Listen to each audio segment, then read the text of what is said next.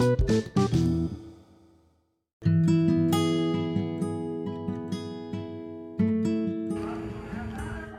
guys, kembali lagi sama gua di podcast Renungan Hati. Semoga sampai ke hati. Di episode kali ini, gua mau bahas yang mungkin semua orang pernah ngalamin. Mungkin di antara kalian pasti pernah dibuat kecewa, marah, bahkan ada yang dendam hingga membuat kalian sulit, membuat kalian susah untuk memaafkan orang yang melakukan hal tersebut kepada kalian. Memang setiap orang pasti punya alasan tersendiri untuk memaafkan ataupun tidak memaafkan seseorang. Dan apa pun keputusan yang kalian ambil, ya gue ngerti lah. Gue ngargai itu. Apalagi lu lebih memilih memaafkan. Wih respect gue lu udah dikecewain tapi lu masih bisa memaafkan mantap jiwa tuh. Dan misalnya ketika gue berbuat salah pada seseorang dan orang itu tidak memaafkan gue ya gue harga itu lah gue ngerti itu.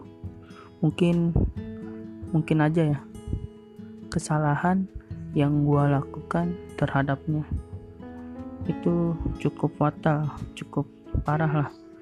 Sehingga membuat orang itu sulit maafin gue terkadang memaafkan itu sulit apalagi melupakannya. Terlebih ke kekecewaan itu sangat dalam sangat menyakitkan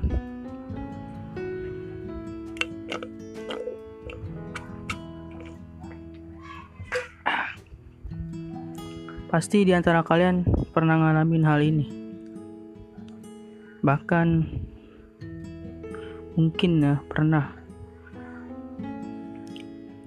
Mungkin ya di antara kalian tuh saat lagi kecewa kecewa kecewanya lah. Ngeliat muka orang itu aja gedek gitu lah segedek gedeknya lah. Bahkan mungkin juga ada yang denger namanya aja udah emosi gitu panas dingin, marah-marah. Padahal hanya nama yang terdengar dan belum tentu nama itu adalah orang yang dimaksud. kan nama-nama orang banyak yang sama juga ya kan, tapi orangnya beda-beda. Ya balik lagi terkadang memaafkan emang sulit.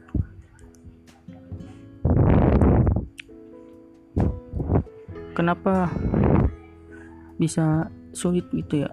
Gue juga kadang bingung.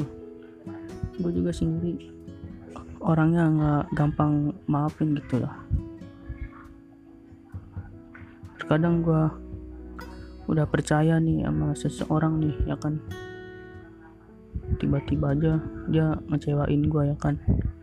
Misalnya dia berbohong sama gue wah itu gue bisa dibilang gue sakit banget lah siapa yang gak sakit akan dibohongin. Kita udah percaya sama orang itu. Tapi tiba-tiba dia nusuk dari belakang. Ngebohongin. Lu gua nggak paling nggak demen dibohongin anjir. Sakit lah pokoknya tapi gua ini loh. Nggak mudah memaafkan juga. Gimana sih intinya? Gua ma maafin. Tapi gue tandain orang itu yang berbohong sama gue gue tandain gue maafin nih dia nih yang ngomongin gue oh oke. Okay. lu gue maafin. Tapi jika dia mau dapatkan kepercayaan gue lagi tuh susah itu. Gue sekalinya udah dibohongin susah buat percaya lagi. Ya gitulah intinya lah gue lah dan mungkin juga di antara kalian kenapa sulit memaafkan? Ya terkadang mungkin ya kita masih membawa permasalahan permasalahan itu di mana pun berada. Kita masih menyimpan segala rasa dendam rasa marah rasa benci dengki iri hati tanpa mau melepaskannya. Tanpa disadari jika kita masih bawa-bawa permasalahan tersebut semakin kita terluka sebelum kita bisa melepaskan masalah-masalah tersebut dalam artian memaafkan, mengikhlaskan, melupakan masalah tersebut. Bahkan kita sering bertindak bodoh dengan membawa masalah-masalah tersebut ke mana pun dan kapan pun di mana kita berada. Nah, terus kita jadi menjalani hidup tuh dengan beban masalah tersebut. Dan kadang itu gampang membuat kita marah. Bahkan dengan hal-hal sepele yang kayak gitu-gitu bikin hidup kita nggak bahagia gitu uh, siapa juga yang hidup bahagia dengan diliputi marah. Pokoknya ya marah-marah lah. Mana ada orang bahagia dengan marah-marah. Dan kalau ada pun psikologisnya harus diperiksa tuh kejiwaan.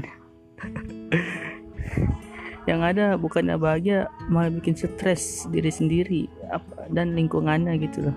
Teman-teman sekitar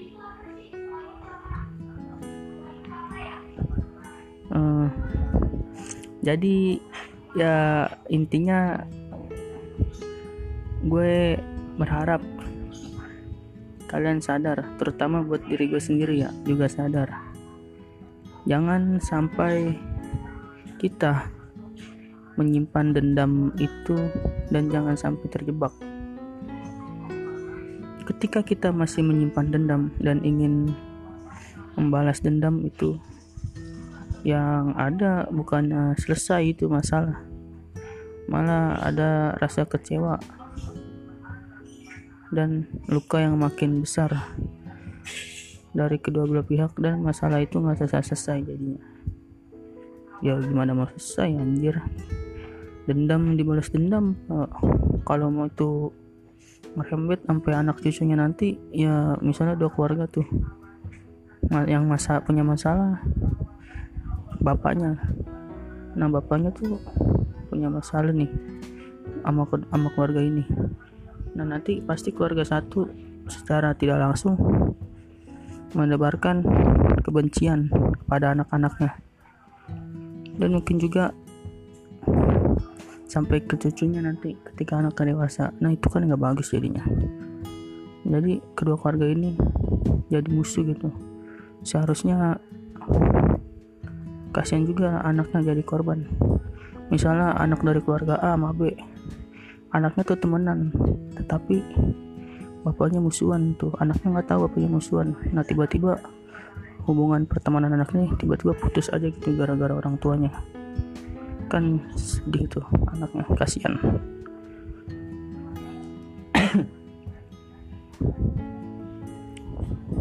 Beda cerita lagi jika kita mengikhlaskan kita merelakan dan kita melihat jauh lebih jauh dalam lagi. Mungkin kita tersadar bahwa orang yang melukai kita sebenarnya juga terluka. Mungkin menderita juga.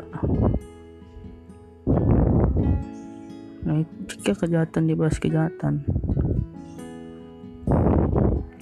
Dendam dibalas dengan dendam itu masalah nggak bakal pernah selesai. Yang ada timbul perpecahan yang tadi gue ceritain sebelumnya ya kan?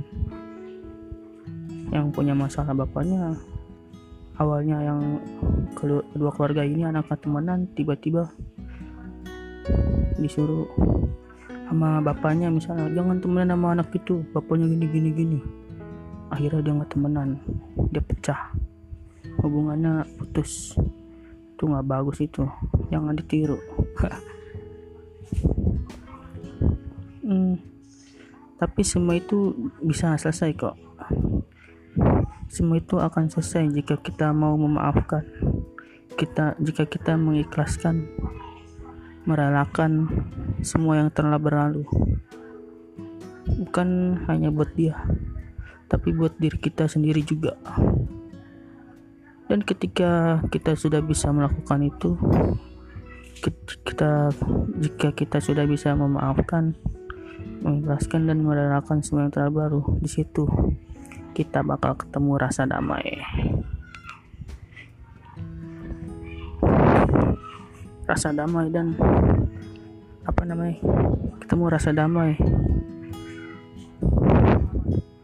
Jika kita telah mengikhlaskan yang telah berlalu paham ya semuanya yang mendengarkan semuanya apalagi yang masih punya masalah sama teman kalian lah. Secara pribadi selesaikan baik-baik. Yang penting kita tuh intinya memaafkan lah mengikhlaskan. Ya walaupun dia tidak memaafkan kita ya berusaha kita minta maaf lah wujud dia jika dia nggak memaafkan lagi ya udah kita terima aja. Yang penting kita udah minta maaf. Maaf atau nggak maafnya itu urusan dia. Dosa atau enggak dosanya itu urusan dia sama yang maha kuasa. Ya sekian bahasan episode kali ini. Uh, semoga kita semua ikhlas dalam memaafkan supaya kita selalu hidup dengan damai. Dan jangan lupa bersyukur. Gua Septis Nandi Bye bye.